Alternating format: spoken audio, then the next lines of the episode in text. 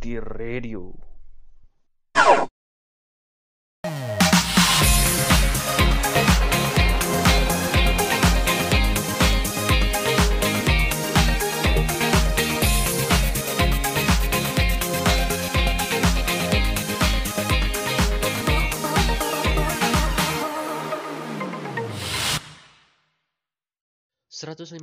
FM siaran praktikum komunikasi sekolah vokasi IPB.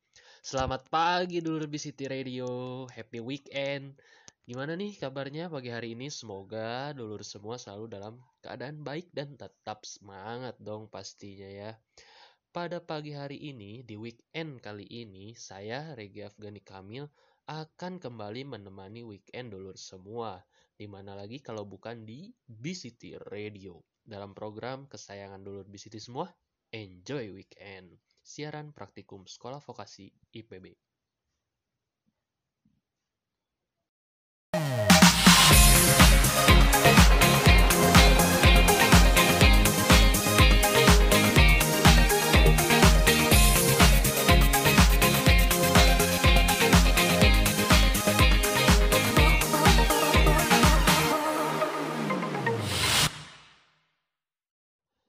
105,6 FM siaran praktikum komunikasi sekolah vokasi IPB. Seperti biasa pada weekend kali ini, saya Regi Afgani Kamil akan menemani dulu semua selama 45 menit ke depan di edisi Sabtu 17 September 2020. Dan tentunya saya akan memberikan info-info lengkap dan menarik mengenai kota Bandung selama seminggu terakhir untuk menjalani weekend dulu semua. Jadi, rilekskan badan dulur semua, seduh kopinya, nyalakan radionya, dan dengarkan BCT Radio dalam program acara Enjoy Weekend, siaran praktikum komunikasi sekolah vokasi IPB.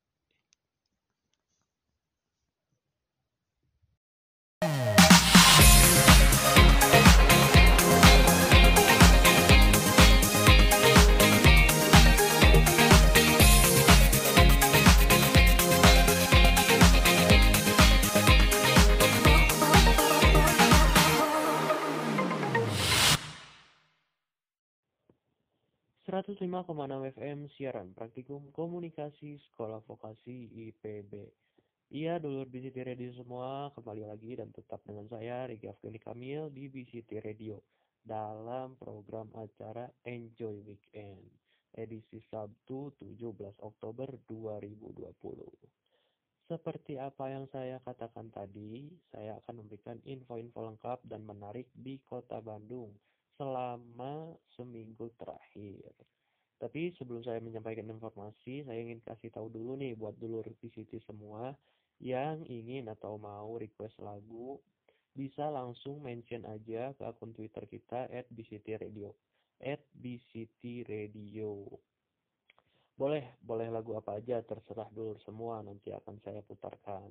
Atau dulur di situ semua hanya ingin sekadar kirim-kirim salam kepada orang-orang terdekat atau orang-orang tersayang juga boleh banget. Langsung aja mention ke akun Twitter yang sama at BCT Radio. At BCT Radio. Nanti akan saya bacakan di akhir perjumpaan kita. Oke? Siap. Langsung aja pada pagi hari ini ada informasi mengenai mahasiswa di Bandung akan menggelar demo penolakan Omnibus Law lagi.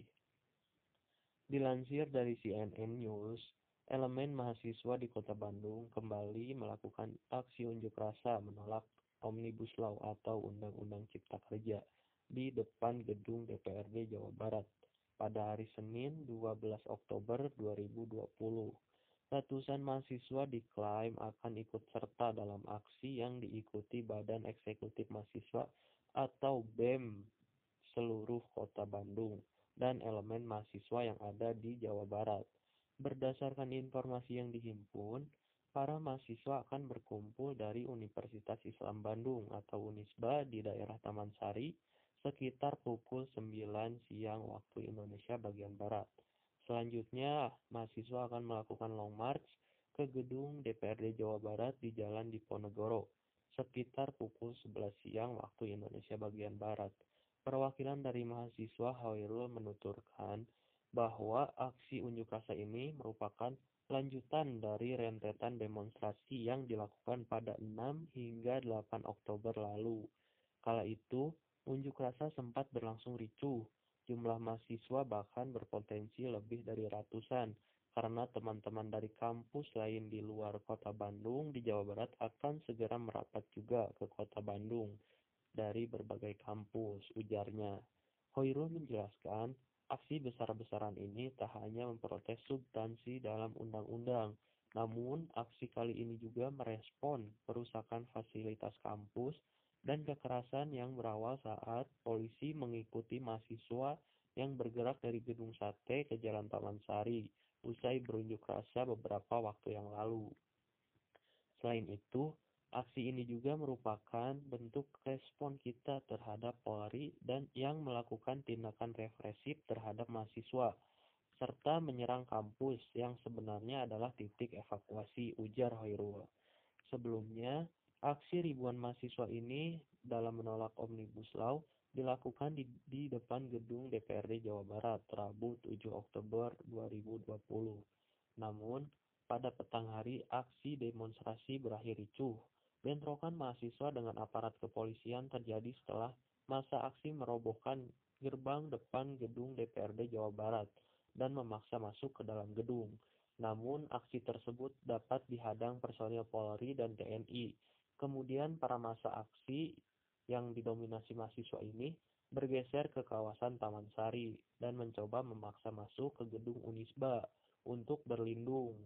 Kampus Unisba sendiri sebenarnya bukan tempat evakuasi massa, namun karena sebagian besar mahasiswa terkena gas air mata, maka para demonstran diperbolehkan masuk area kampus untuk membersihkan wajahnya.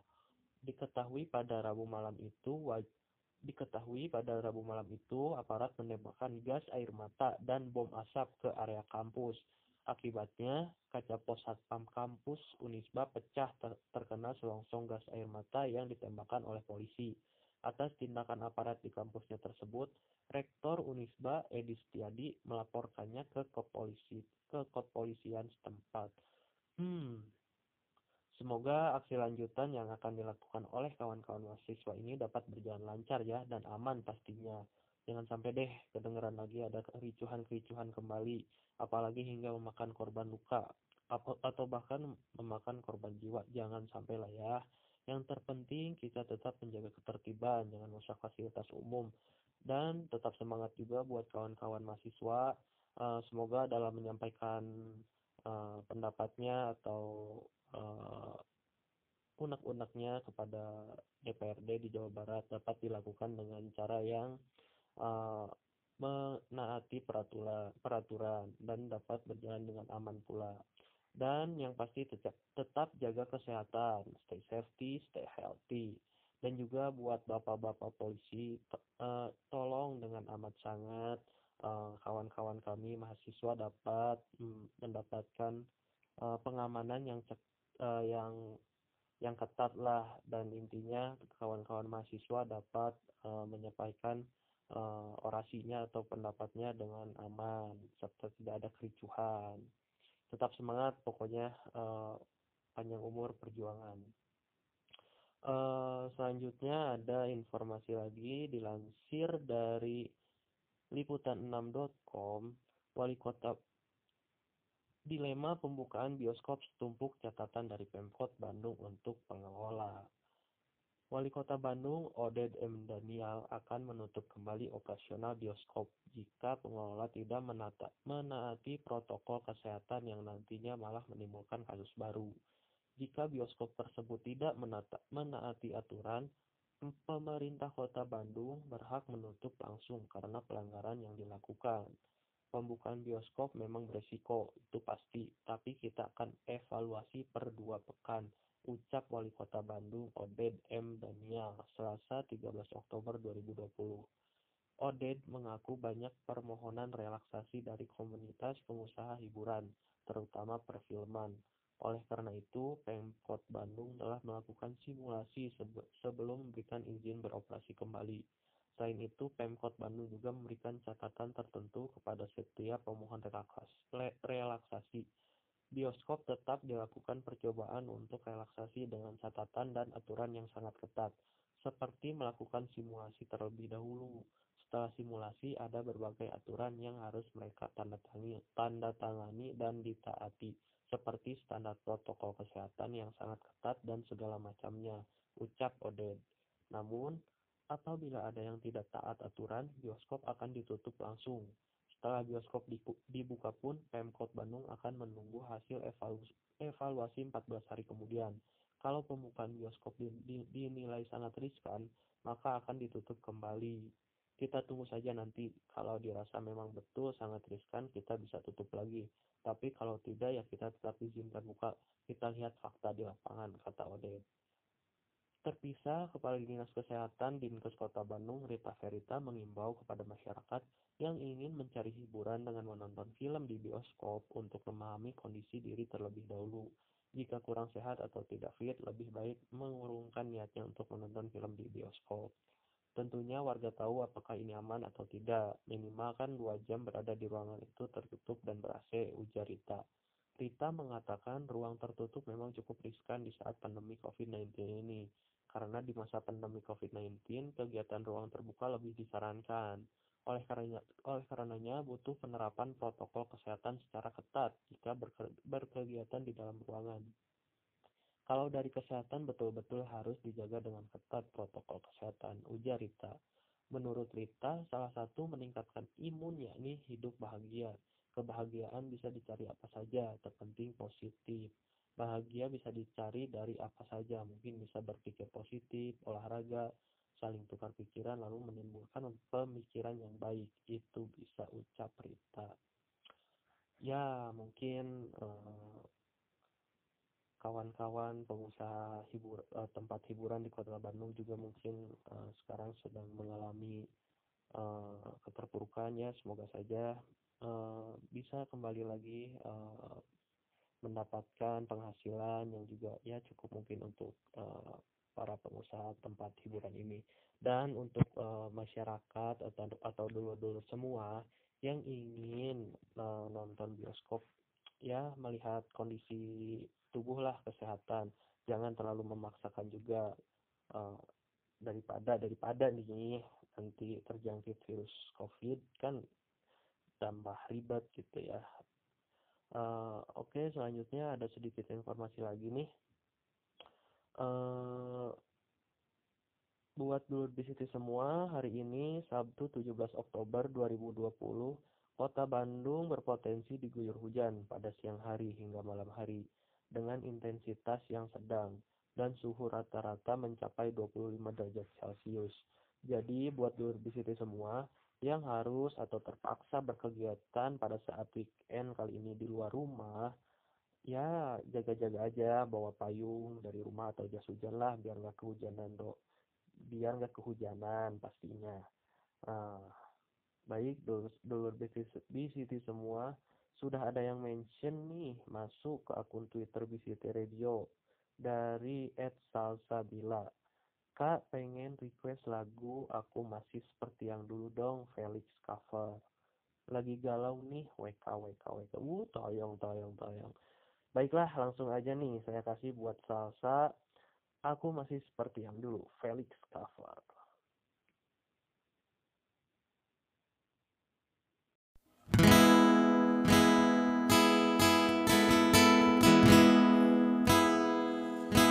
Aku masih seperti yang dulu. Menunggumu sampai akhir hidupku. Kesetiaanku tak luntur Hati pun rela berkorban. Demi keutuhan kau dan aku Biarkanlah aku memiliki Semua cinta yang ada di hatimu. Apa pun kan ku berikan Cinta dan kerinduan Untukmu dambaan hatiku Malam ini tak ingin aku sendiri. Ku cari damai bersama bayanganmu. Hangat pelukan yang masih ku rasa. Kau kasih, kau sayang Biarkanlah aku memiliki Semua cinta yang ada di hatimu.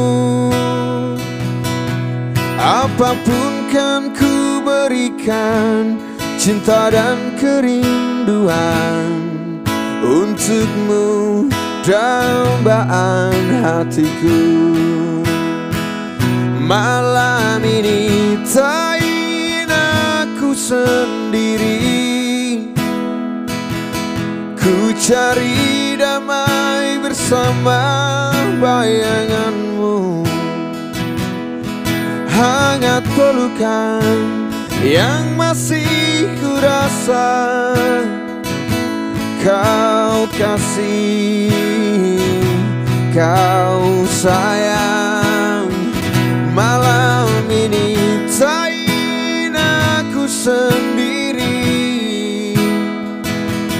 Ku cari damai bersama bayanganmu. Hangat pelukan yang masih ku rasa. Kau kasih, kau sayang Kau kasih, kau sayang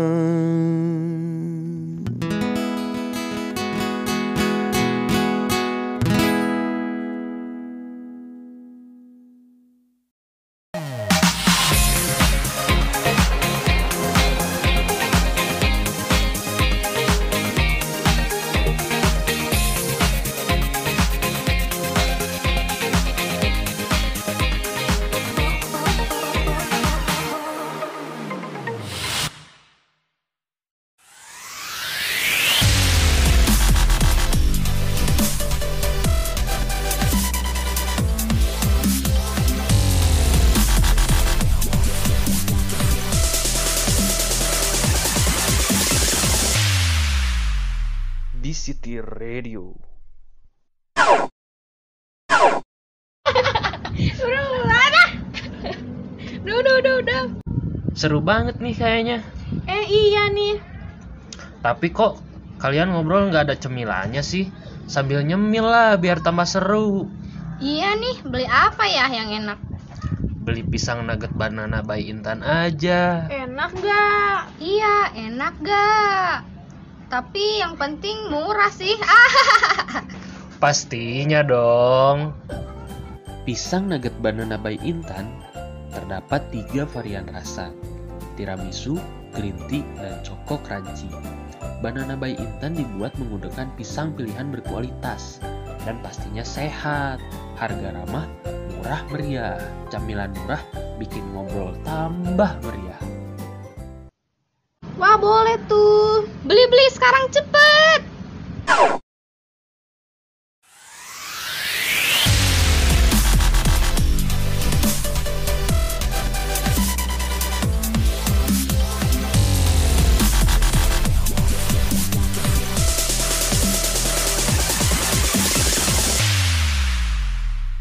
City Radio.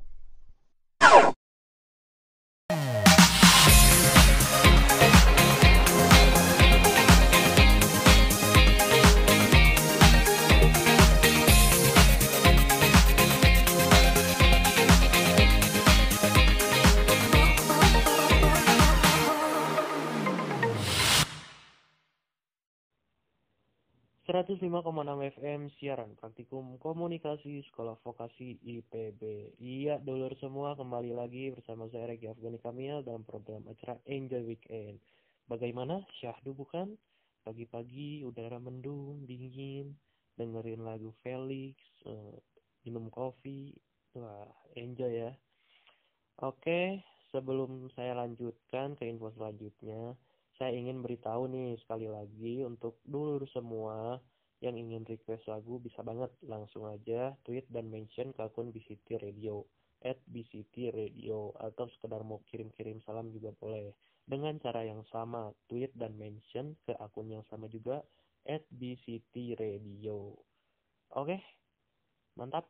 Selanjutnya nih pasti dulur semua udah tahu dong. Oh dading mang oleh. Iyalah siapa yang nggak tahu lagi viral Odading yang bisa bikin dulu semua jadi Iron Man itu sih.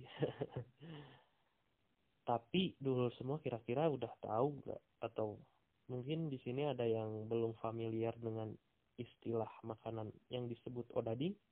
Apa sih odading itu? Nih, saya kasih tahu.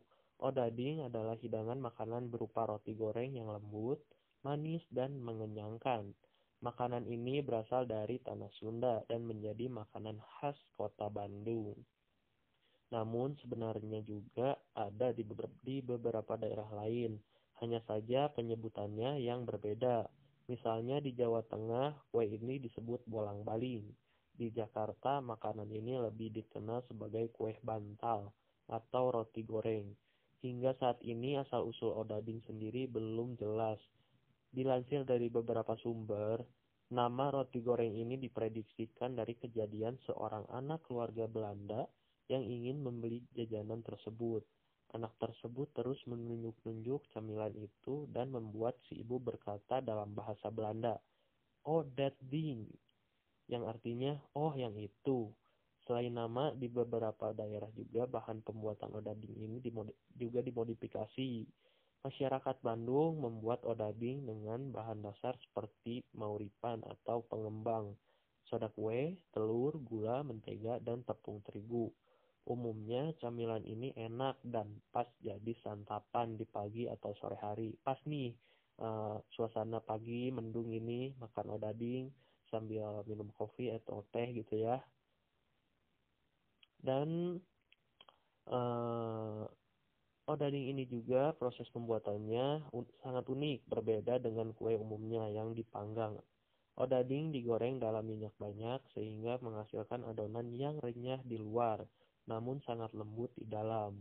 Odading juga memiliki bentuk yang pas sebagai cemilan, berbentuk bulat seukuran genggaman tangan.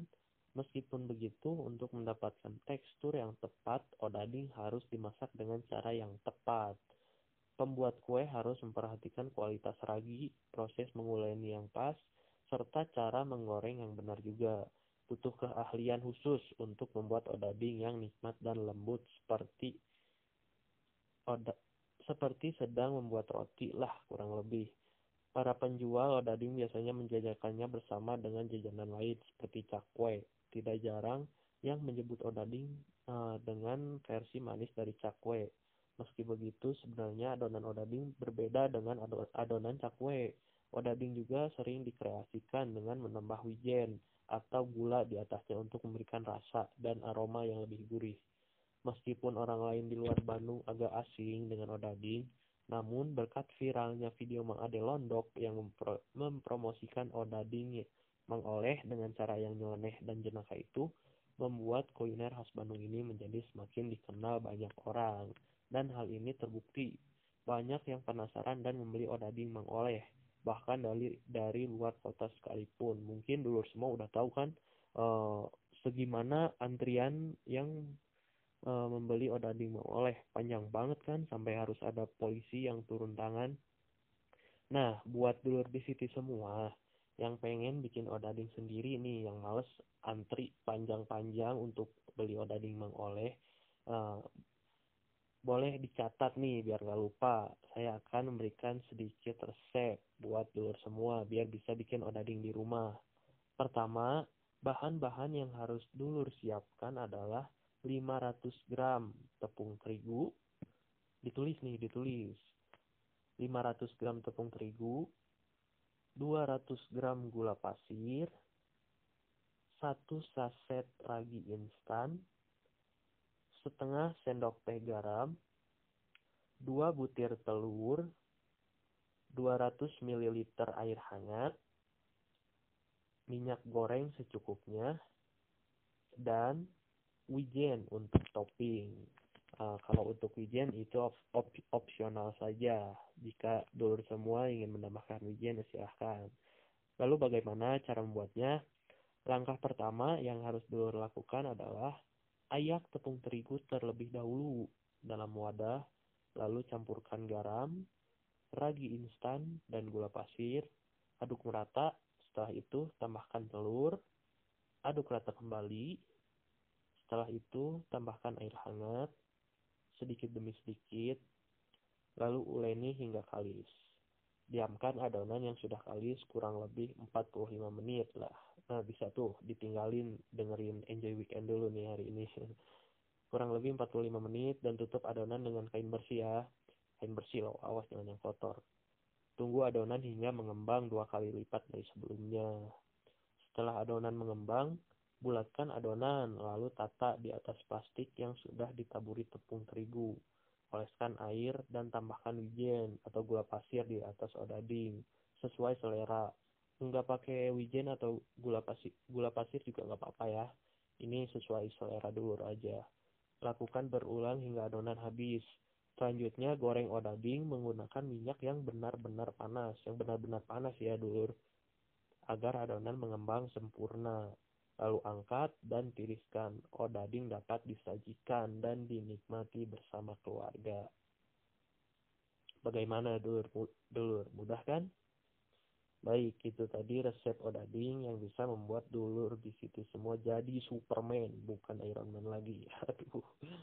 Uh, dan tidak bosan-bosannya saya mengingatkan dulur di situ semua untuk tetap jaga jarak, pakai masker, rajin cuci tangan, stay safety, stay healthy, agar senantiasa terjauhkan dari virus corona.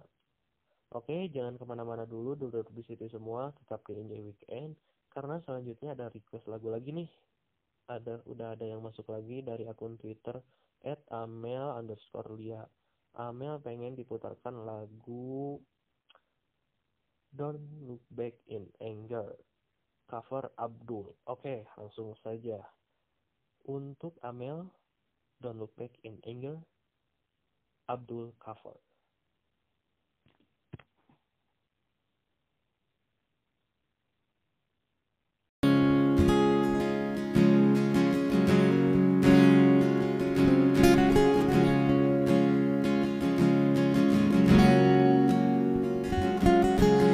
Sleep inside the eye of your mind. Don't you know you might find a better place to play? You said it you'd never be, but all the things that you see will slowly fade away. So I start a revolution from my bed.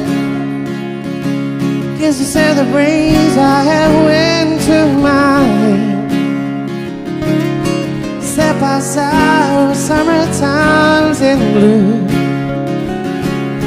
Sit up beside the fireplace and take that look from your face. You ain't never gonna burn my heart out.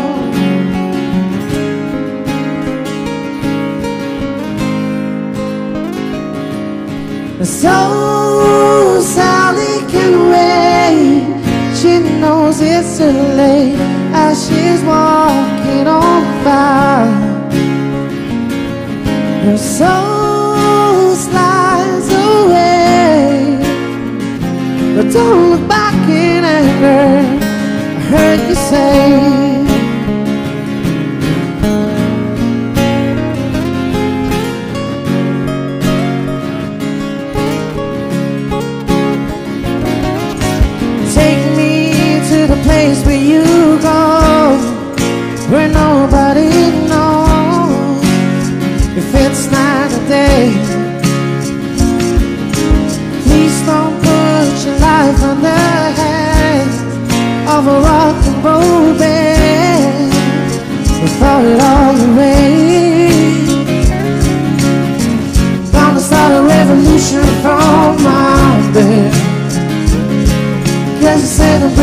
I have went to my head. Step outside of summer towns in you.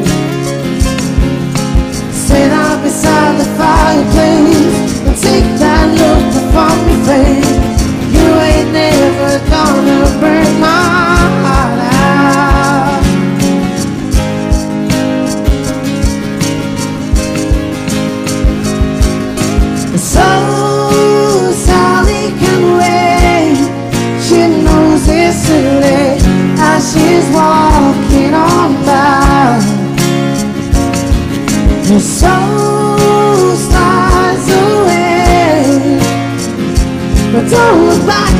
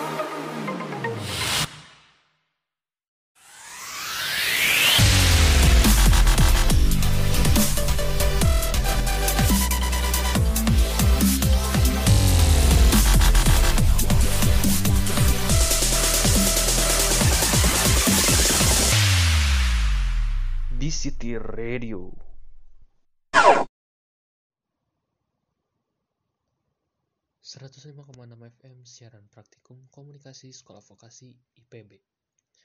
Bisa jadi orang marah saat diajak agar pakai masker. Tak perlu berkecil hati, senyum, dan tetap ajak orang agar memakai masker. Virus corona tak kenal saudara atau kawan, siapa pun bisa tertular dan menularkan. Tetap jaga jarak, pakai masker, dan sering cuci tangan pakai sabun. Virus corona menyerang dan memukul ekonomi bangsa. Kuatkan barisan, mari kita bersatu, bergotong royong, dan saling peduli untuk kalahkan virus corona. Iklan layanan masyarakat ini dipersembahkan oleh Kementerian Kesehatan Republik Indonesia.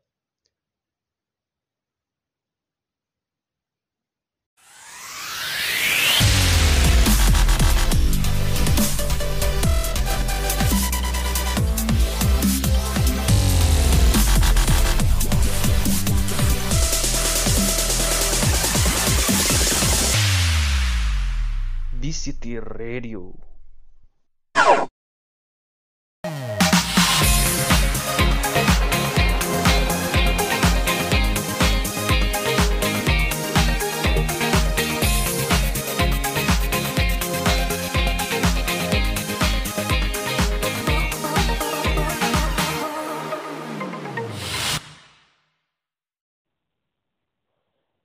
105,6 FM siaran praktikum komunikasi sekolah vokasi IPB.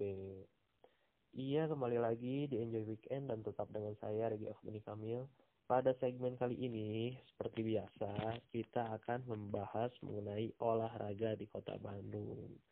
Kira-kira ada info apa nih? Penasaran kan? Saya punya info dari tim sepak bola kebanggaan kita semua nih, warga Bandung. Iya, apalagi kalau bukan Persi Bandung, sang pangeran biru. Penasaran kan ada info menarik apa? Langsung aja nih, dengerin baik-baik.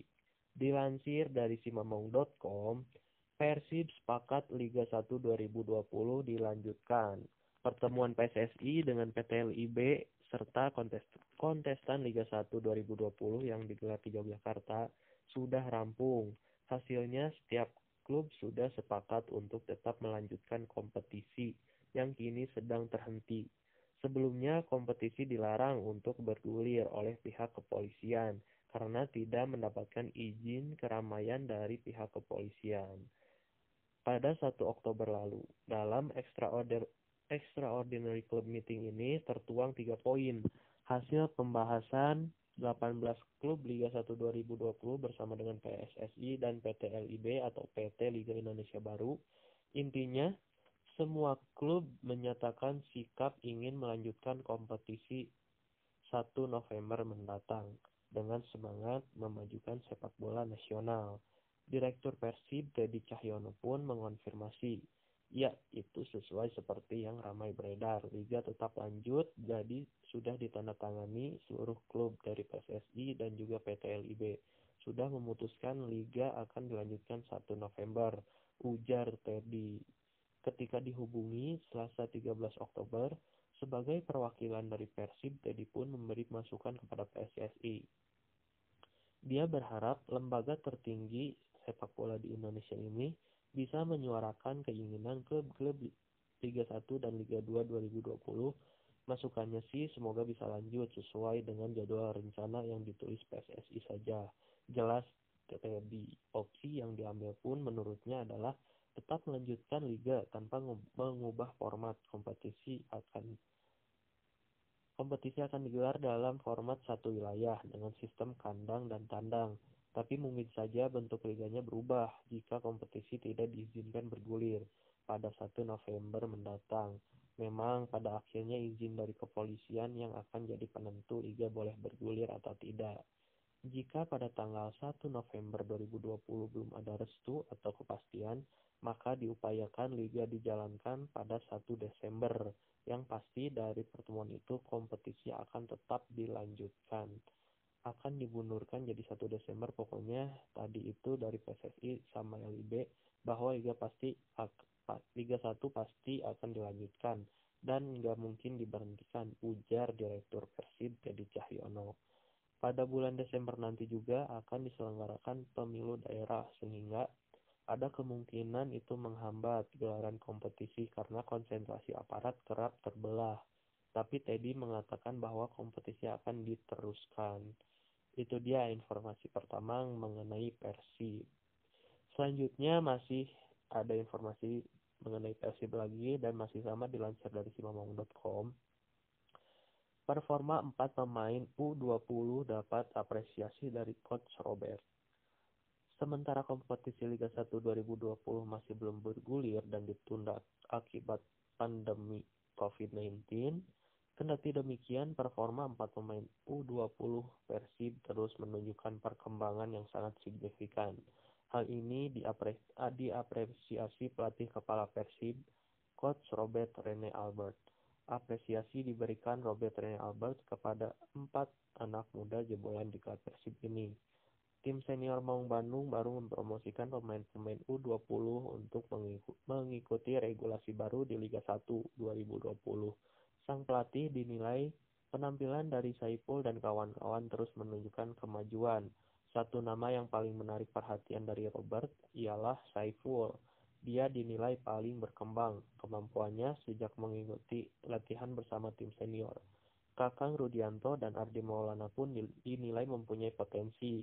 Tinggal Rafil Sandika saja yang berposisi sebagai penyerang yang kini masih harus meningkatkan kapasitasnya dan kualitasnya. Kami cukup bangga terhadap perkembangan mereka, terutama Saiful, karena bisa menunjukkan kapasitas yang bagus. Dudung dan Kakang juga cukup memperlihatkan mereka punya potensi. Rafil masih harus lebih banyak menggunakan kecepatan dan juga kekuatannya terang Robert Stadion GBLA atau Gelora Gelora, Gelora Bandung Lautan Api kok belibet sih Selasa 13 Oktober 2020 Secara keseluruhan, pelatih asal Belanda ini sangat puas dengan kinerja pemain-pemain U20. Apalagi ikut berlatih bersama pemain senior, tentu akan mendongkrak mental dan skill mereka. Robert pun merasa keputusan untuk mengontrak mereka sesuai rekomendasi dari pelatih diklat merupakan hal yang sangat tepat tapi cukup mengagumkan dan keputusan kami mempertahankan mereka mulai menunjukkan tanda-tanda yang positif dan juga bagus.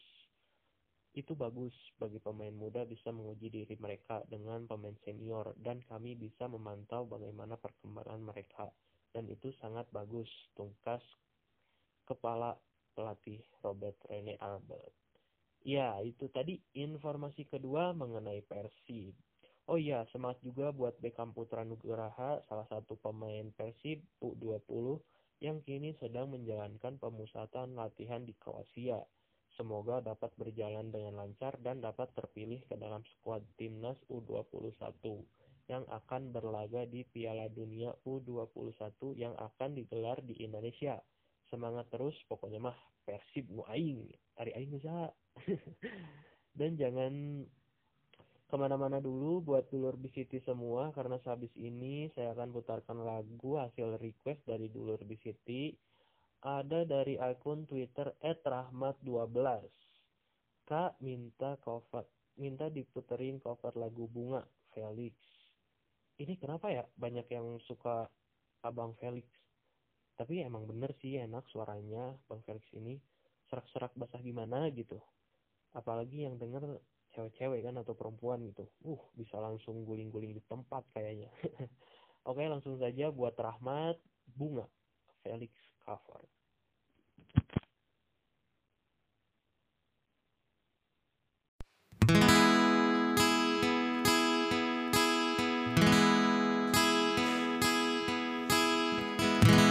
Aku melintasi malam sepiku. Tanpa dirimu di sisiku Kekasih Rasa sesal yang selalu menghantuiku. Di saat ku campakan dirimu manis.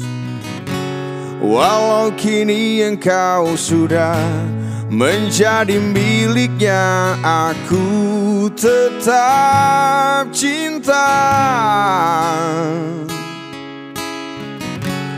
Ku harap engkau kembali Untuk maafkanku Bunga beri aku Satu kesempatan lagi. Jangan sampai ku mengemis padamu. Bunga ku berjanji Kali ini akan ku tepati Karena aku lelaki.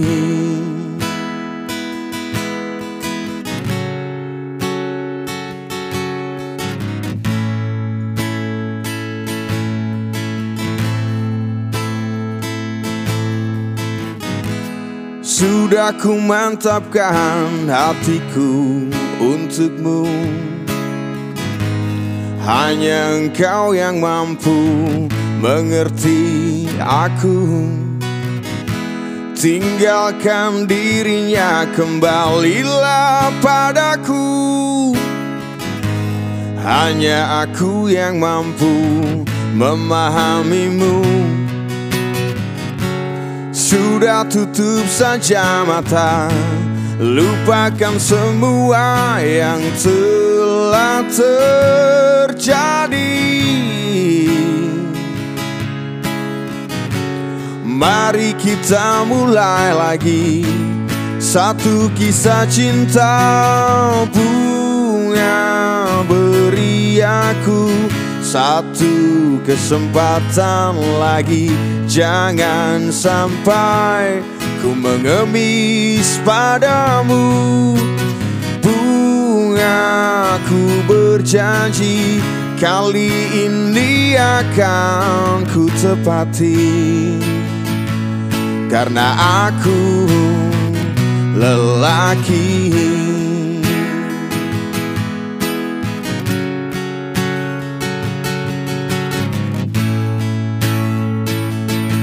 Oh, bunga beri aku satu kesempatan lagi. Jangan sampai ku mengemis padamu. Bunga ku berjanji Kali ini akan ku tepati.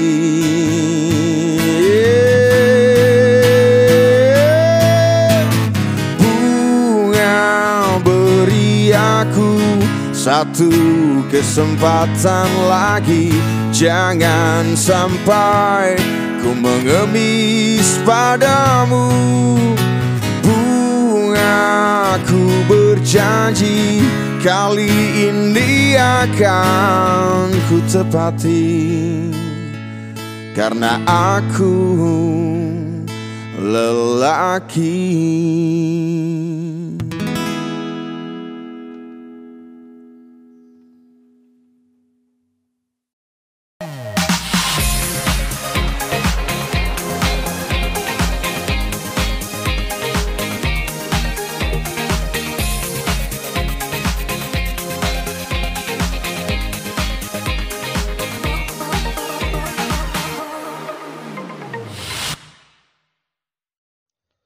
105,6 FM siaran praktikum komunikasi sekolah vokasi IPB.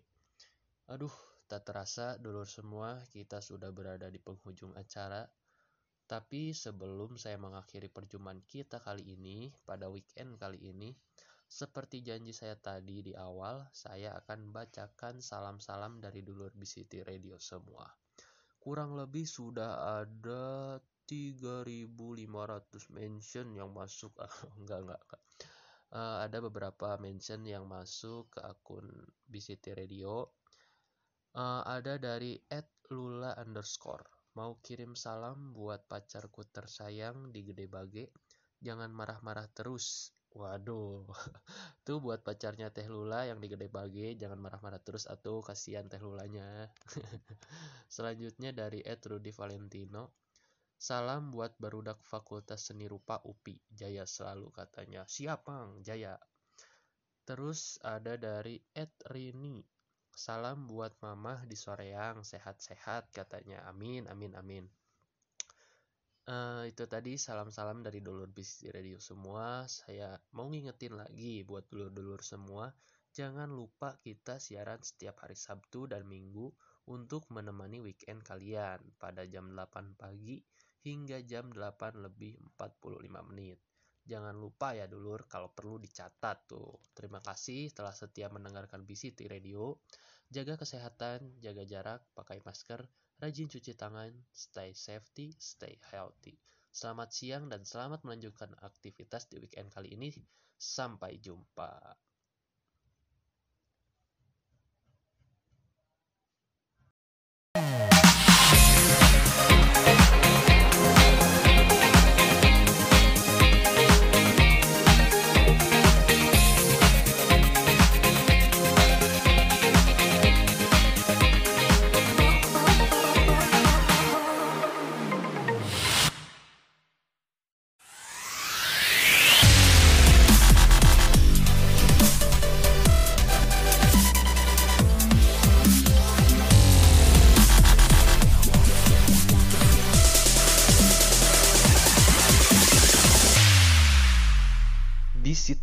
Radio. 105.6 Metropolitan Radio. Are you ready?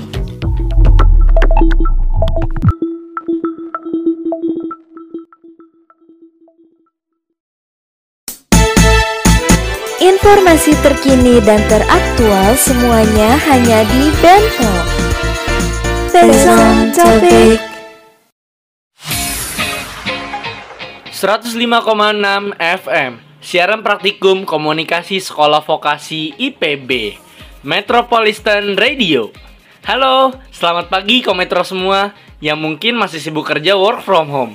Atau kometro yang lagi di jalan nih Untuk beraktivitas di luar rumah. Ketemu lagi bareng Azhar di sini Dan tentunya Azhar nggak sendirian loh.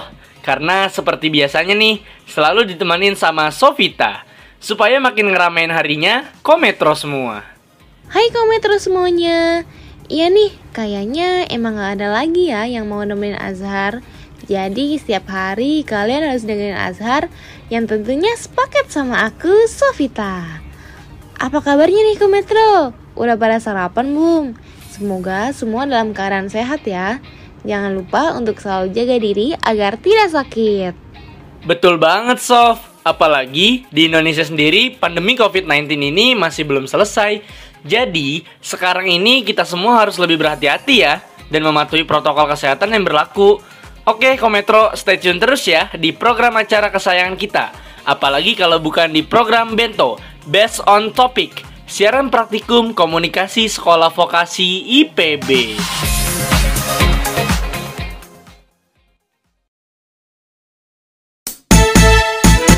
Informasi terkini dan teraktual semuanya hanya di Bento.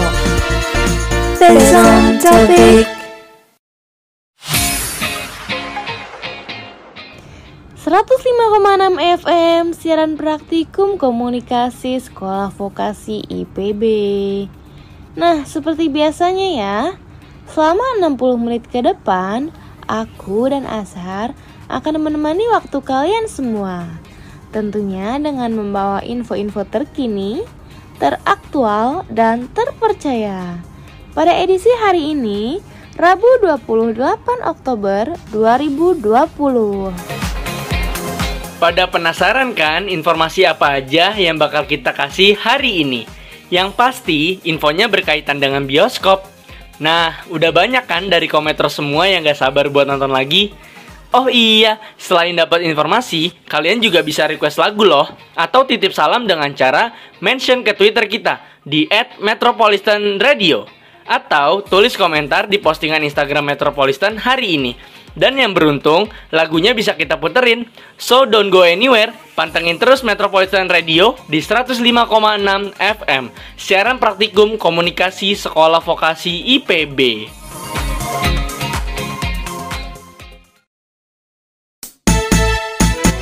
Informasi terkini dan teraktual semuanya hanya di Bento.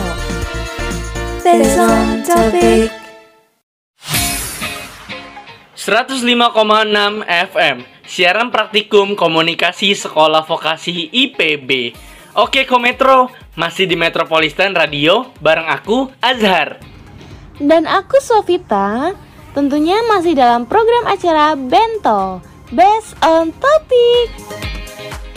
Seperti yang aku bilang sebelumnya nih Kometro semua Kali ini kita akan memberikan informasi-informasi menarik bagi kalian Buat informasi yang pertama, kita mau bahas kabar dibukanya kembali bioskop di beberapa kota di Indonesia nih Sof. Wah, serius Zar. Setelah 7 bulan bioskop tutup, akhirnya sekarang kita bisa nonton lagi dong. Serius banget lah Sof. Jadi, setelah selama 7 bulan ini bioskop ditutup, karena adanya pandemi virus COVID-19, akhirnya bioskop dibuka lagi nih. Nah, kabar ini udah dikonfirmasi pihak XS1 lewat postingan di akun Instagramnya. Oke oke oke. Berarti bukan hoax dong ya kalau udah XXO-nya sendiri yang ngumumin. Um, oh iya Zar, tapi masih banyak nih kometro yang bingung. Katanya di daerah mereka tuh bioskopnya belum pada buka. Terus yang buka itu cuma XX1 aja ya? Bentar Sof, kan infonya belum selesai. Jadi, seperti yang Azhar bilang sebelumnya, emang bioskop yang buka itu cuma baru di beberapa kota. Nah, kota-kota yang sudah bisa menyaksikan sajian XS1 ini ada di Ternate, Jayapura, Pontianak, Bandung, Banjarmasin, Samarinda, dan baru-baru ini Jakarta menyusul nih buat buka. Kabarnya lagi, dalam waktu dekat bioskop di Semarang juga akan buka nih. Jadi, buat kometro semua yang ada di beberapa kota tadi, mending cepet-cepet deh pada pikirin mau nonton apa. Wah, fix banget sih ini Zar. Pokoknya balik siaran kita langsung nonton. Ed, bentar. Kalau mau nonton juga harus tahu dulu dong prosedur untuk bisa memasuki auditorium bioskop. Ya udah tahu dong. Kan sekarang udah new normal. Berarti prosedurnya juga udah berbeda dong dari biasanya. Oh iya, ini harus diinget nih. Pokoknya waktu kometer semua ngantri, harus tetap jaga jarak ya. Dan jangan lupa selalu memakai masker.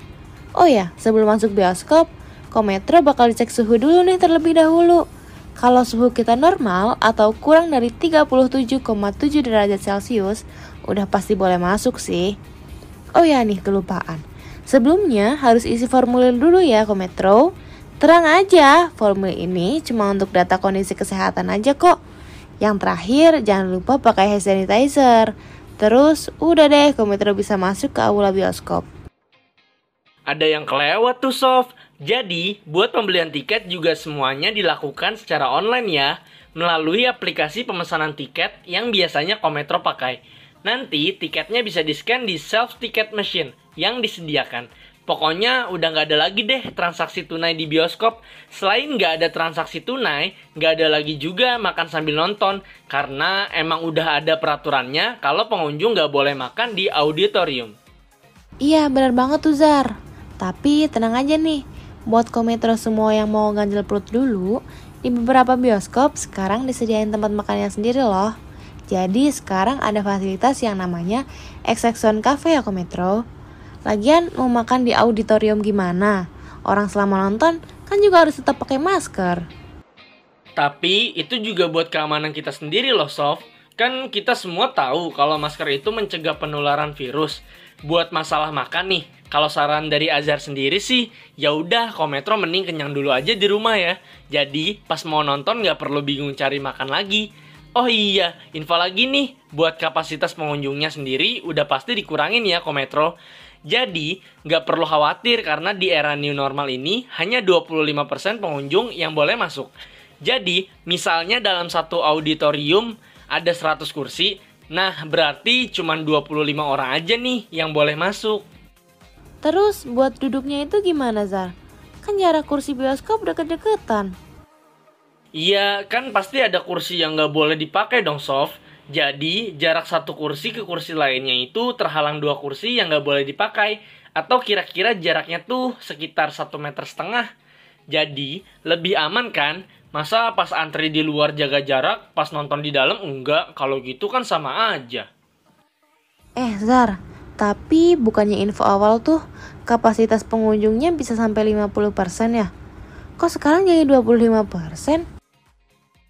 Nah, buat ngelurusin masalah banyaknya kapasitas nih, emang udah dijelasin sama pihak bioskop sendiri. Jadi, awalnya para pengelola bioskop meminta agar kapasitas pengunjung sebanyak 50%. Karena jika pengunjung yang datang kapasitasnya di bawah 50%, pasti tidak layak secara ekonomis baik bagi pengelola bioskop maupun produser film yang nayangin filmnya. Nah, sayangnya permintaan itu ditolak oleh pemerintah dengan alasan keamanan. Sebagai solusinya, pemerintah mengizinkan bioskop dibuka dengan kapasitas hanya 25% dari kapasitas keseluruhannya, Sof. Oh, jadi gitu. Ya udah deh, sebagai masyarakat yang baik, kan kita harus menaati protokol yang berlaku. Iya nggak ke metro? Oh iya, baik lagi Zar ngomongin fasilitas cafe XX1 ini. Katanya ada layanan pesan antar ya? Wah iya bener, Kayaknya Azhar tahu banget ya soal SS1. Jadi, Kometro bisa menikmati layanan pesan antar ini lewat ojek online. Karena tahu sendirilah, semenjak pandemik pasti banyak yang kangen kan nonton di bioskop, makanannya, bahkan bau bioskop aja orang-orang pada kangen. Nah, akhirnya pengelola bioskop meluncurkan layanan ini buat Kometro semua yang kangen makanan SS1 Cafe. Tapi belum berani buat beli langsung. Seenggaknya kan ngobatin rasa kangen gitu. Oh iya Zar, katanya sejak diperkenalkan di bulan September ini, respon masyarakat tuh antusias banget loh. Bahkan dalam sehari bisa melayani sampai 300 porsi. banyak juga ya yang kangen sama makanan bioskop. Iyalah Sof, secara 7 bulan tuh lama banget kan. Yang sering nonton pasti pada kangen kan sama makanan bioskop. Oh iya, ngomongin soal bioskop, aku jadi mau nanya nih. Kometro masih ingat gak sih film-film yang gagal tayang karena pandemi COVID-19? Wah, kalau itu sih pasti pada inget kan. Kayak misalnya film Mulan sama A Quiet Place. Film itu kan banyak banget tuh ditunggu-tunggu sama penggemarnya, tapi malah gagal tayang. Azar aja jadinya nonton film itu streaming di laptop. Emangnya ada apa nih bahas-bahas soal film? Nah, buat mengobati kekecewaan Kometro yang hobi nonton di bioskop, aku mau kasih tahu nih, film apa aja sih yang tayang di bioskop sekarang ini? Yang pertama ada dari Black Widow. Awalnya film ini mau rilis pada tanggal 1 Mei 2020. Tapi karena ketunda, film ini jadinya tayang pada bulan November. Wah, dicatat tuh Kometro film Black Widow yang tayang di bulan November. Kalau buat film yang bentar lagi tayang nih, ada film The Cave yang menceritakan kisah nyata dari satu tim sepak bola yang terjebak di dalam gua di Thailand. Ada juga beberapa film lainnya loh yang tayang bisa Kometro cek sendiri ya di Instagramnya at cinema.21. Tapi emang belum banyak film yang bisa ditayangkan. Nah, menurut pihak XX1 sendiri, hal ini adalah salah satu hambatan dibukanya kembali bioskop di era new normal nih Kometro. Oh, jadi gitu ya. Yang pasti saran dari aku sih, kalau Kometro ada yang mau nonton horor, pikir-pikir lagi deh ya. Karena sekarang kan nontonnya kayak berjarak banget ya. Jadi kalau takut kalian tuh nggak bisa pegangan sendirian gitu. Kecuali kalau memang kalian pemberani. Itu sih nggak masalah ya. Bener Sof, tapi kalau Azhar sendiri sih kayaknya oke-oke aja ya nonton horor. Oh iya, menurut Sofita sendiri gimana nih pendapatnya soal bioskop yang dibuka kembali? Soalnya banyak yang kangen kan nonton, tapi banyak juga yang takut kalau bioskop bisa jadi klaster baru penularan virus COVID-19. Iya, emang. Kalau dilihat dari satu sisi, kan banyak yang mikir bakal nambah angka penularannya ya. Yang penting bioskop yang udah buka itu bersedia menerapkan protokol kesehatan dan juga punya surat izin untuk buka lagi. Kayaknya aman-aman aja deh Zar kalau kayak gitu. Dari kitanya juga harus tetap jaga diri ya dan menaati protokol kesehatan. Karena menjaga diri sendiri sama dengan menjaga orang lain. Setuju tuh. Dan kalau kita pikir lagi ya, dibukanya kembali bioskop itu pasti juga memikirkan kelangsungan hidup karyawan dan perusahaan bioskop. Lagian juga bioskop kan turut berkontribusi dalam perekonomian negara. Kita juga bisa lihat sendiri kalau dibuka bioskop ini pastinya nggak asal-asalan. Karena prioritas utama bioskop saat ini ya keamanan dan kenyamanan bagi para karyawan dan penontonnya juga. Iya, pokoknya pihak dari bioskop harus menerapkan protokol yang benar. Dan kitanya sendiri juga harus menaati protokol itu. Iya kan? Iya bener tuh Sof. Tambahan informasi lagi nih Kometro. Buat yang masih takut-takut nonton bioskop, tapi masih khawatir, jangan takut ya.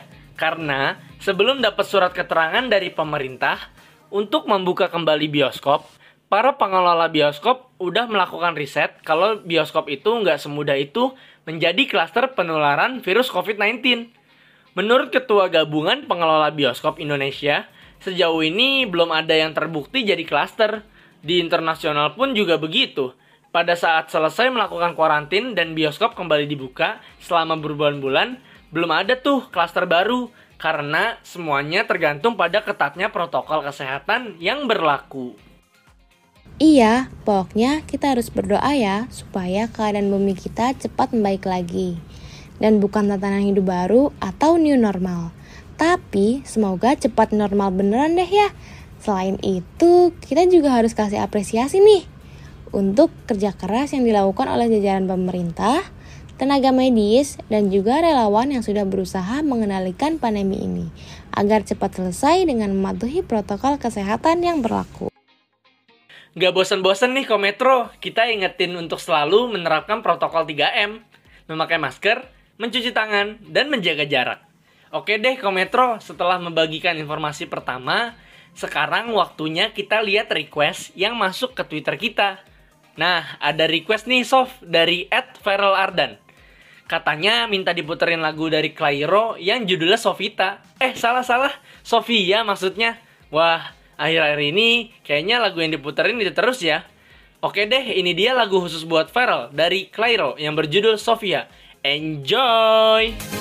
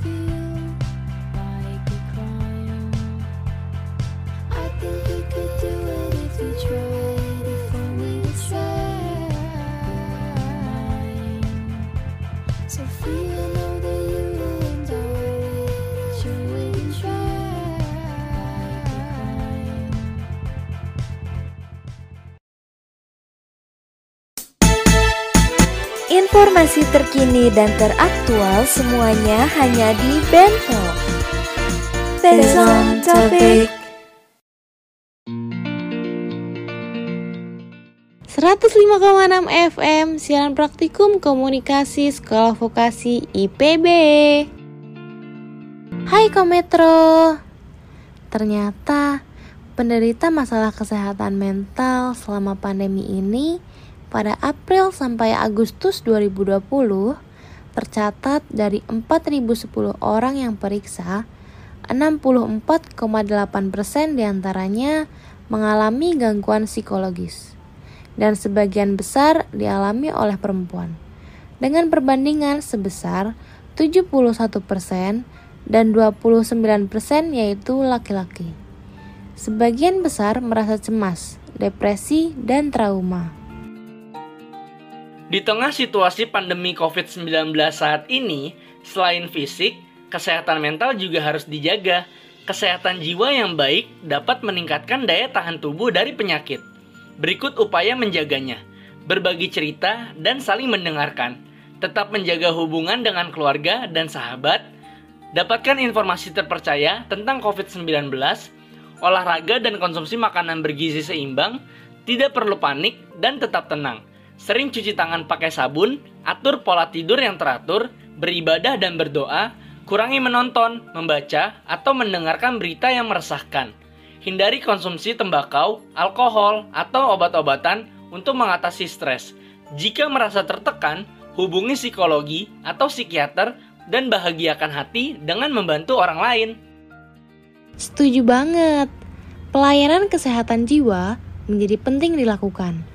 Karena persoalan pandemi tidak hanya sebatas soal fisik semata, tapi juga mencangkup masalah psikologis dan sektor lainnya. Jangan lupa untuk bahagia dan selamat Hari Kesehatan Mental Sedunia. Iklan layanan masyarakat ini dipersembahkan oleh Kementerian Kesehatan Indonesia dan Indonesia Mental Health Care Foundation yang bekerjasama dengan Metropolitan Radio.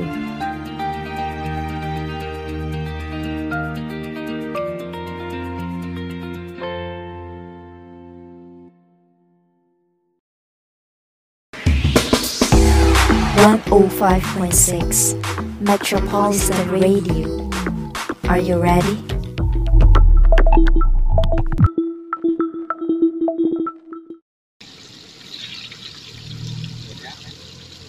Wah, makanan aku udah dateng. Aku makan duluan ya. Eh, eh, tar dulu. Tangan kamu belum bersih. Loh, aku kan udah cuci tangan pakai kobokan. Eh, kobokan doang mah belum tentu bersih. Nih, pakai hand sanitizer. Gak mau ah, nanti tangan aku kering. Udah pakai aja.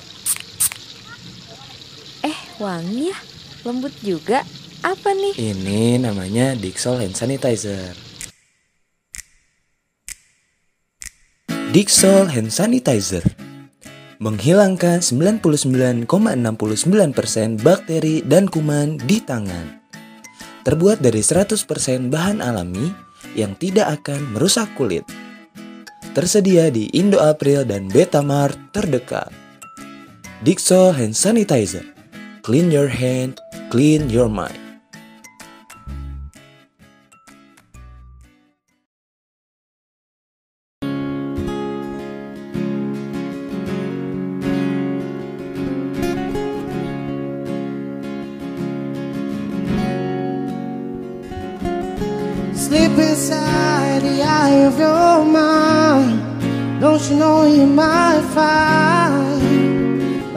Place to play? You said that you'd never be, but all the things that you see will slowly fade away. So I start a revolution from my bed. Guess you said the brains I had went to my head. Step outside with summer times in blue. Sit up beside the fireplace and take that look from your face. You ain't never gonna burn my heart out.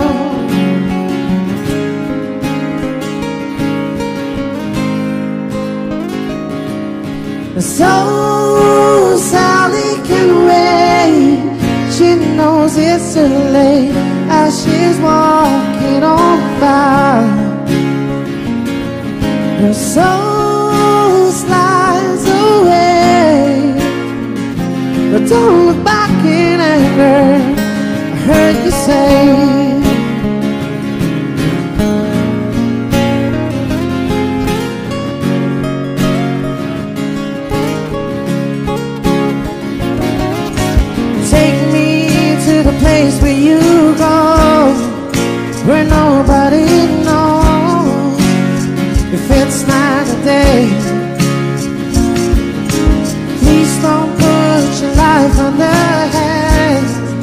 Of a rock and roll band.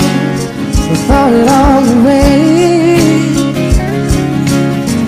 Gonna start a revolution from my bed. Cause you said the brains I had went to my head Step outside with summertime So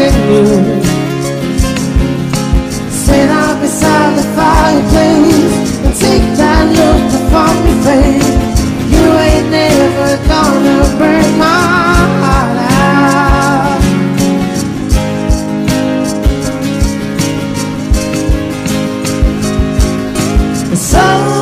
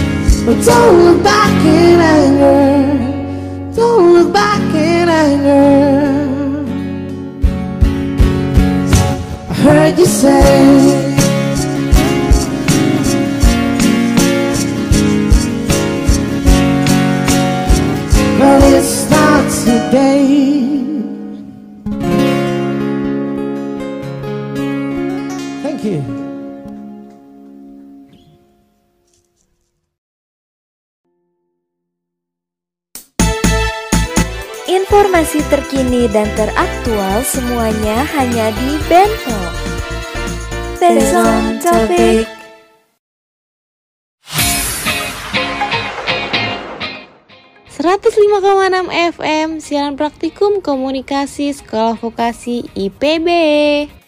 Masih bareng kita berdua, di mana lagi kalau bukan di Metropolitan Radio dalam program Bento.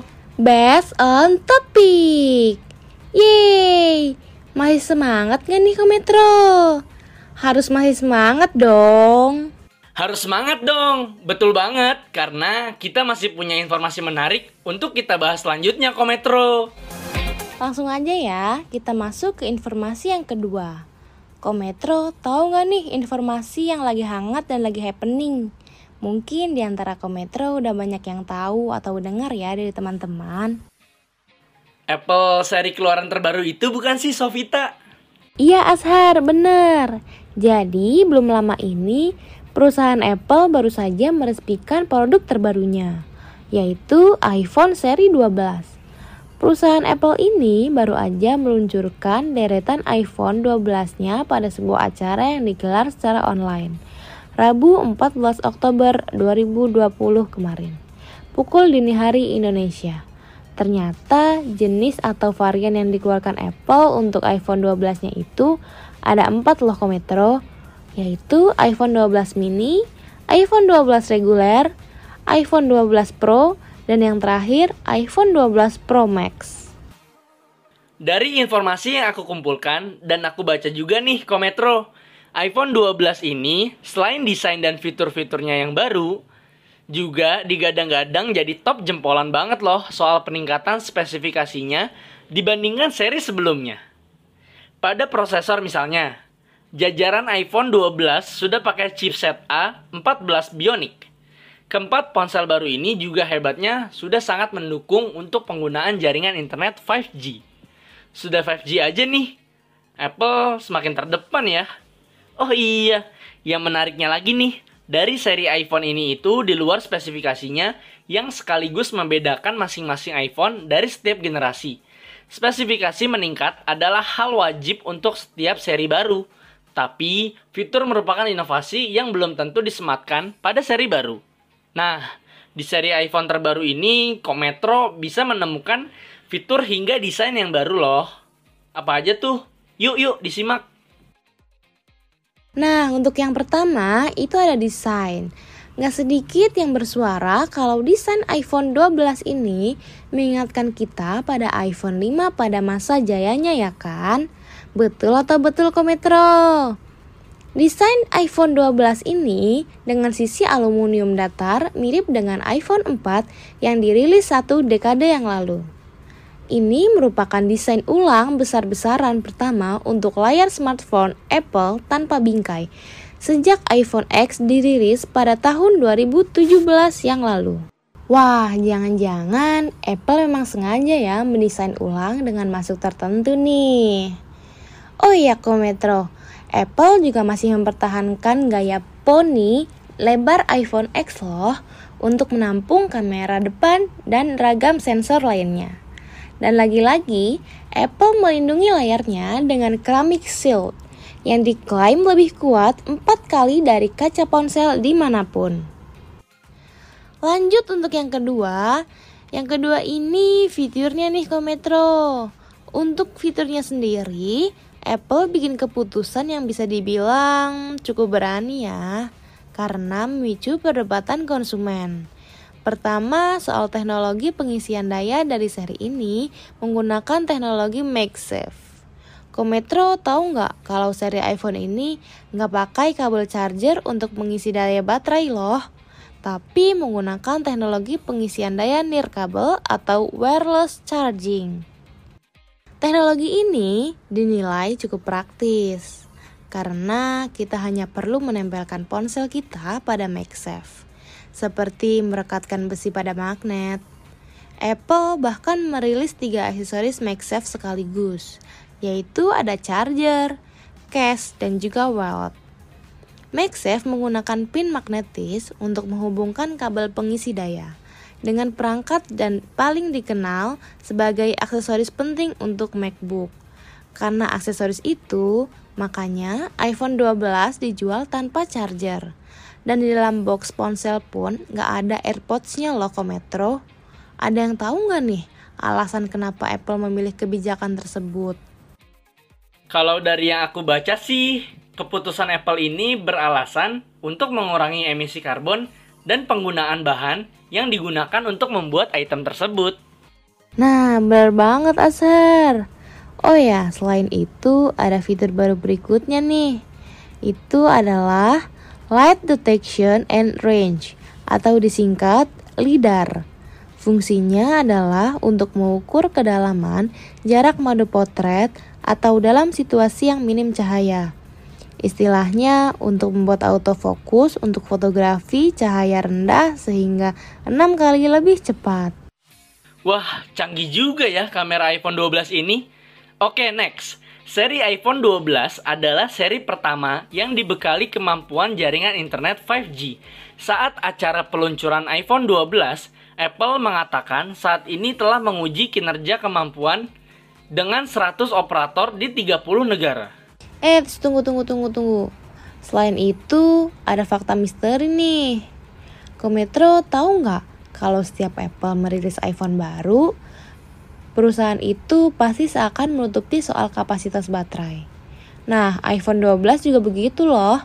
Mereka hanya memberikan gambaran bahwa dari 4 seri iPhone 12 ini, versi Pro Max lah yang paling tangguh. Karena punya 20 jam playback, 12 jam streaming video, dan 80 jam untuk mendengarkan musik iPhone 12 juga disebut mendukung fast charging yang diklaim mampu mengisi baterai 50% dalam waktu 30 menit. Hmm, cakep juga nih. Pasti harganya gak kalah cakep dong, ya gak? Iya Sofita, aku sempat denger nih kalau soal harga iPhone 12 standar dibanderol dengan harga 650 US dollar atau setara dengan 9,75 juta rupiah lebih murah 50 US dollar dibanding level standar iPhone 11. Ini tentunya menjadi kabar baik loh bagi kita-kita yang menginginkan iPhone kualitas tinggi dengan harga terjangkau. Kalau iPhone 12 Max nih dibanderol mulai dari 11,25 juta rupiah, iPhone 12 Pro seharga 15 juta rupiah, dan iPhone 12 Pro Max harga 16,5 juta rupiah. Selain dari harga, perbedaan keempat varian iPhone 12 ini apa aja sih Sofita? Nah, iPhone 12 ini menawarkan empat varian yang berbeda loh. Desainnya sih sama, prosesor dan teknologi layarnya pun sama. Terus, bedanya apa dong? Perbedaan terbesar itu terlihat dari besarnya layar, harga yang tadi sudah disebutkan, serta dari kapabilitas kamera dan memorinya ke Metro. Kita bahas satu-satu ya. Pertama, iPhone mini. Perbedaan antara iPhone 12 mini dengan iPhone 12 reguler atau standar adalah dari segi ukuran, besarnya layar, dan juga harga. Nah, kalau warna atau opsi memori internal, kamera, dan hardware, keduanya itu identik ya, alias sama persis. iPhone 12 mini ini cocok bagi kometro yang ingin smartphone yang kompak, mudah digenggam, dan juga mudah dimasukkan ke saku. Karena layarnya cuma sebesar 5,4 inci loh. Pasar penggemar smartphone kecil masih banyak. Terbukti pada iPhone SE 2020 yang mengusung form factornya iPhone 6. Laris manis. Sebaliknya, mereka yang ingin melihat konten di layar yang besar kemungkinan tidak akan terpuaskan dengan layar kecil iPhone 12 mini ini. Kalau iPhone 12 reguler dari semua model iPhone terbaru, iPhone 12 ini yang kemungkinan besar bisa menarik konsumen dari segi kalangan loh. Ukurannya pas, layarnya 6,1 inci, sama seperti iPhone 12 Pro. Tidak besar, tapi juga tidak kecil, serta hardware-nya pun dapat diandalkan. iPhone 12 reguler ini hanya dibekali kamera wide dan ultra wide sebesar 12 megapiksel. Dari segi RAM juga beda nih.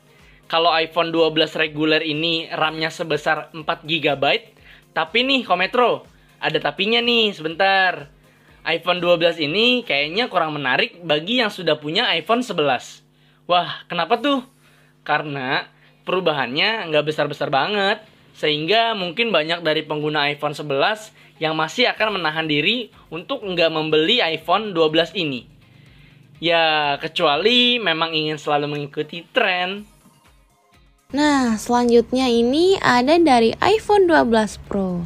Meskipun ukurannya sama dengan iPhone 12 biasa, tapi iPhone 12 Pro ini lebih terasa premium wujudnya dan kamera yang lebih canggih. Kamera utama terdiri dari tiga unit dengan Neural Engine serta sensor LiDAR dari iPad Pro untuk kemampuan foto potret saat mode malam.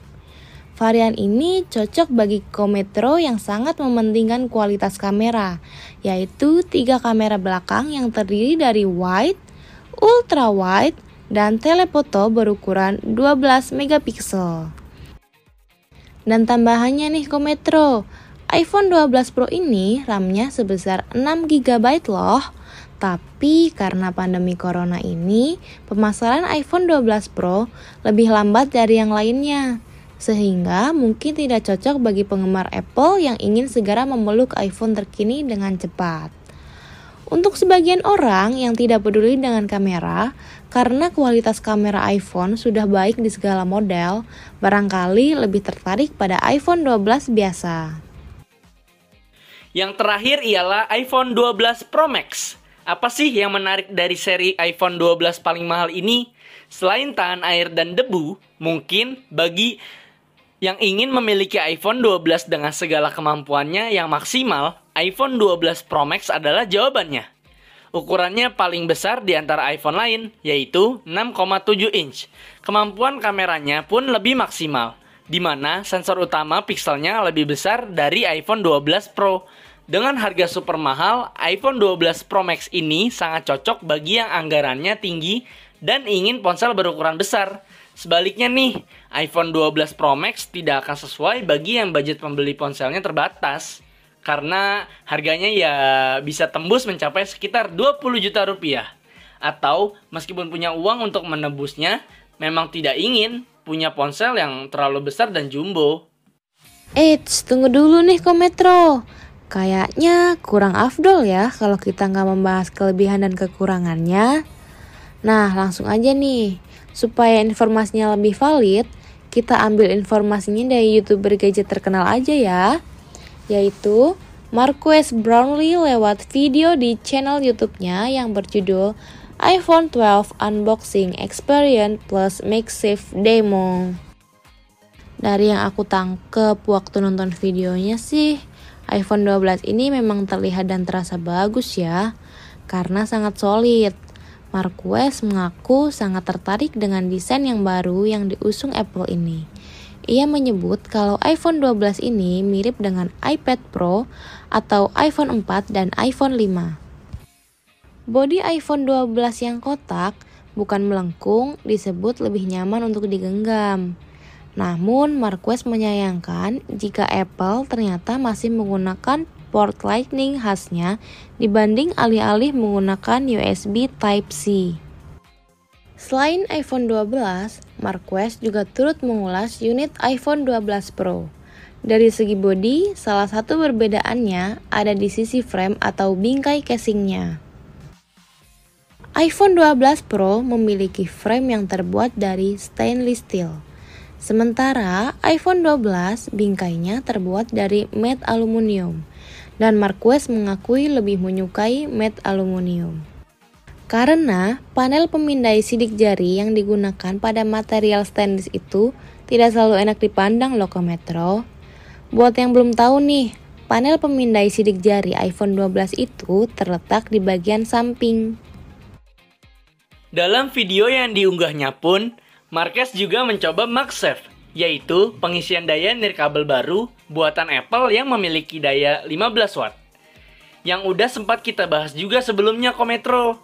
Seperti yang kita tahu, Apple memang tidak menyertakan charger di dalam kotak pembelian iPhone 12 dengan alasan agar lebih ramah lingkungan. Pengguna nanti akan dipersilahkan menggunakan charger iPhone yang sudah dimiliki sebelumnya, atau bisa dengan membeli charger USB secara terpisah.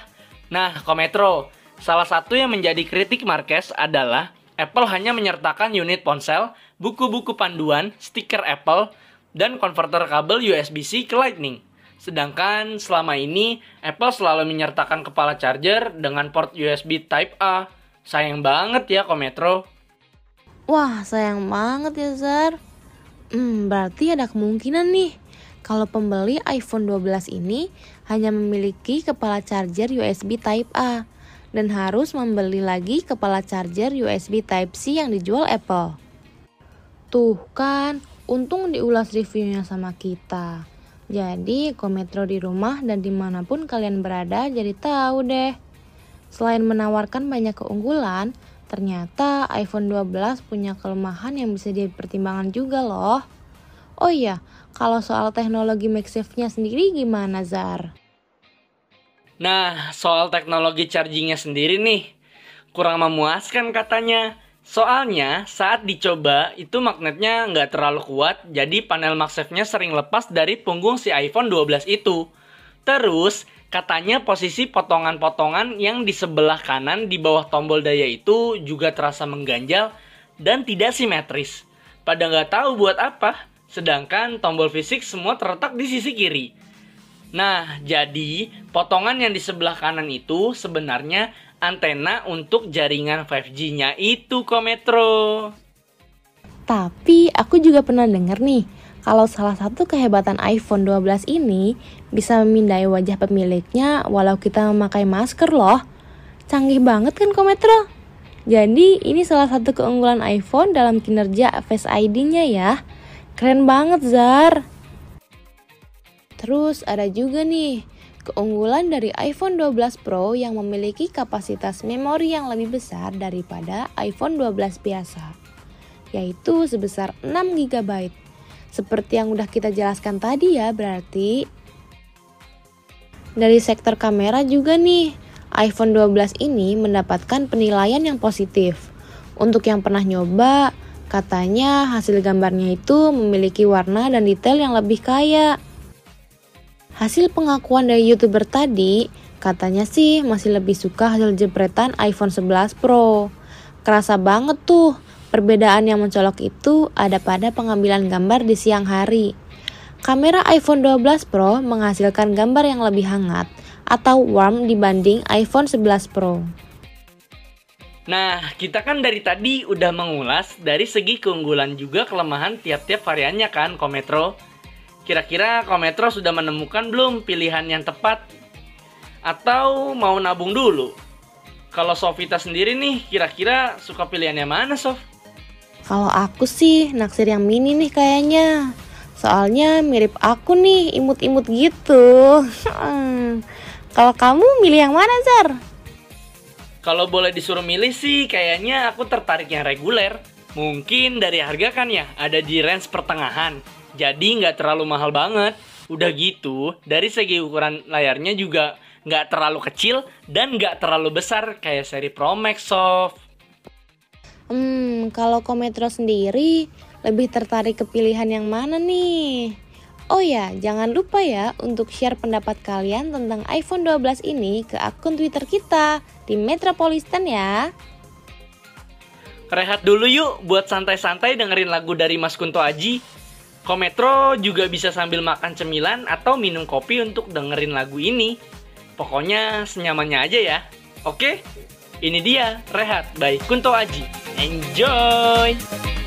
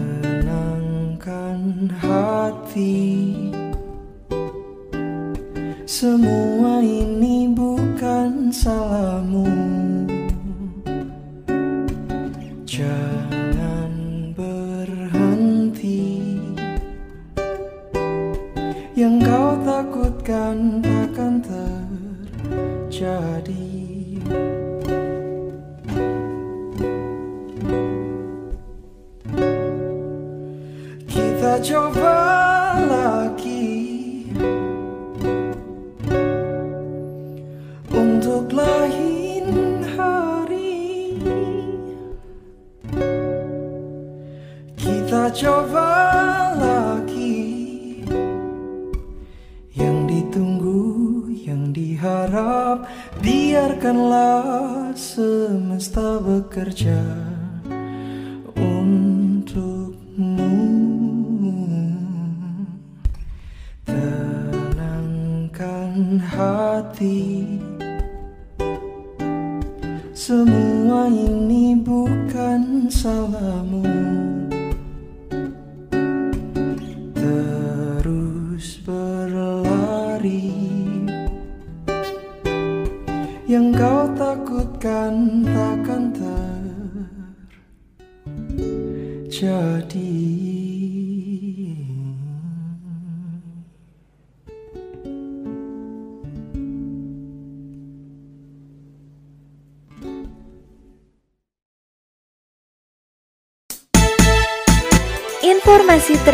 dan teraktual semuanya hanya di Bento. Based on topic.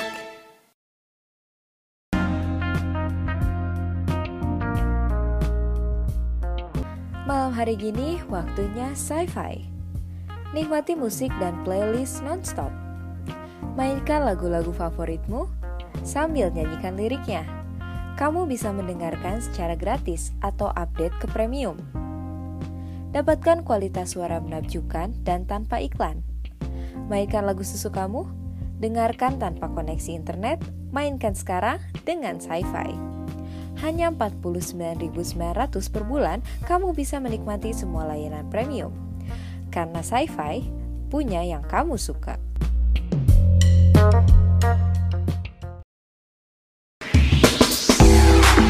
Oh Metropolitan Radio. Are you ready?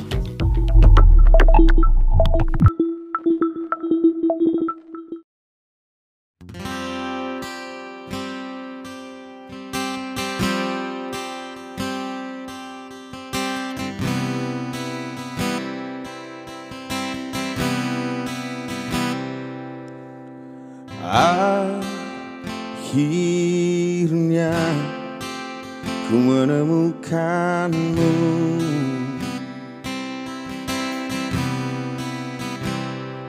Saat hati ini mulai meragu.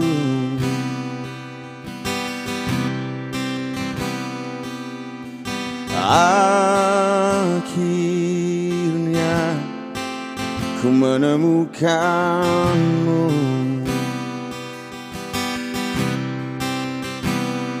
Saat raga ini ingin berlabuh.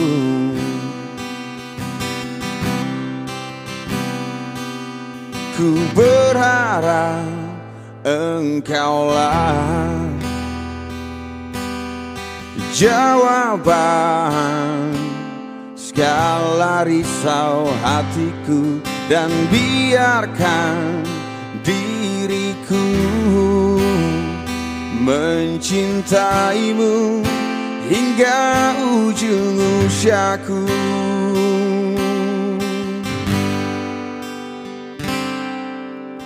Jika nanti ku sanding dirimu Miliki aku dengan segala kelemahanku. Dan bila nanti engkau di Jangan pernah letih untuk mencintaiku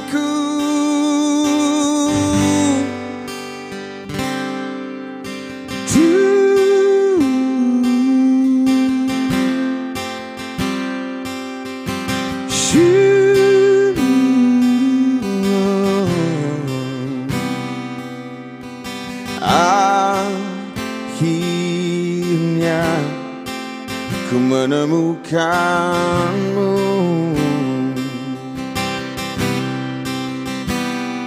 Saat hati ini mulai meragu.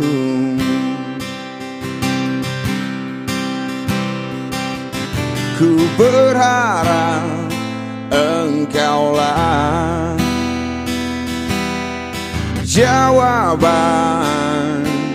Segala risau hatiku dan biarkan diriku mencintaimu hingga ujung usiaku jika nanti ku sanding dirimu Miliki aku dengan segala kelemahanku. Dan bila nanti engkau di sampingku Jangan pernah letih untuk mencintaiku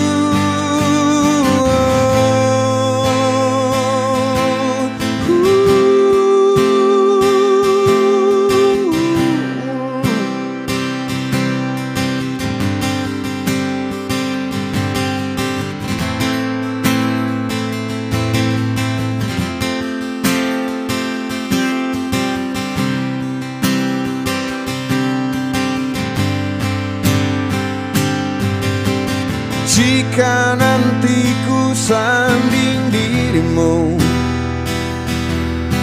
Miliki aku dengan segala kelemahanku. Dan bila nanti engkau di sampingku Jangan pernah letih untuk mencintaiku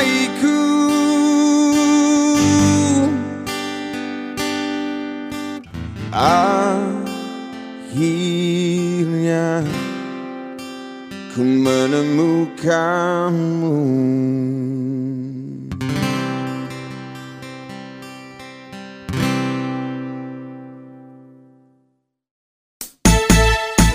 Informasi terkini dan teraktual semuanya hanya di Bento. Based on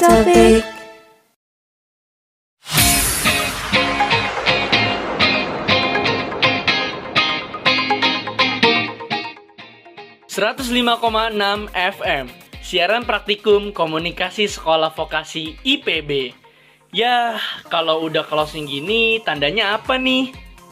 Tandanya kita udah satu jam nih menemani kometra semua dari awal hingga akhir.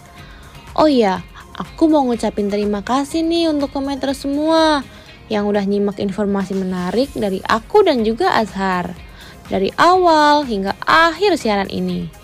Semoga informasi yang tadi kita sampaikan bisa bermanfaat ya untuk kometra semuanya. Sejujurnya aku cukup sedih karena harus udahan gitu aja, Sof. Nggak perlu sedih dong Zar, tenang aja. Kita berdua tentu akan hadir kembali dalam program yang sama yaitu Bento.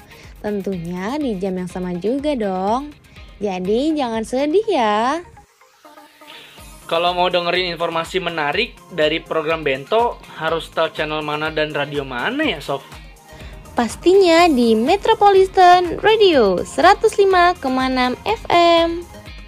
Asik! Oke Kometro, kita berdua pamit undur diri ya. Tapi jangan lupa nih untuk tetap patuhi protokol kesehatan di mana pun Kometro berada. Mau di rumah, di jalan, di kantor, pokoknya di mana aja deh. Nah iya itu betul banget tuh Zar. Jangan lupa ya selalu cuci tangan pakai sabun, menggunakan masker, menghindari tempat kerumunan, dan menjaga pola makan. Tentunya itu akan membantu kita semua dalam menekan angka peningkatan kasus COVID-19 ini loh. Kita berharap sih semoga corona ini cepat berlalu ya Zar, biar kita bisa beraktivitas seperti sedia kala gitu. Sama Sof, aku juga berharap seperti itu. Makanya kesadaran dari kita semua, termasuk Kometro, untuk tetap menerapkan protokol kesehatan di mana pun kita berada.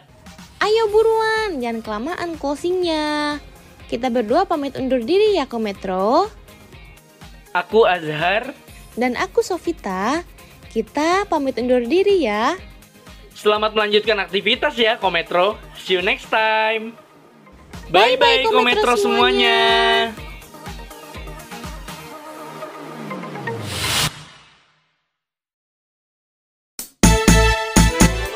Informasi terkini dan teraktual semuanya hanya di Bento. Based on topic. 105.6 Metropolitan Radio. Are you ready?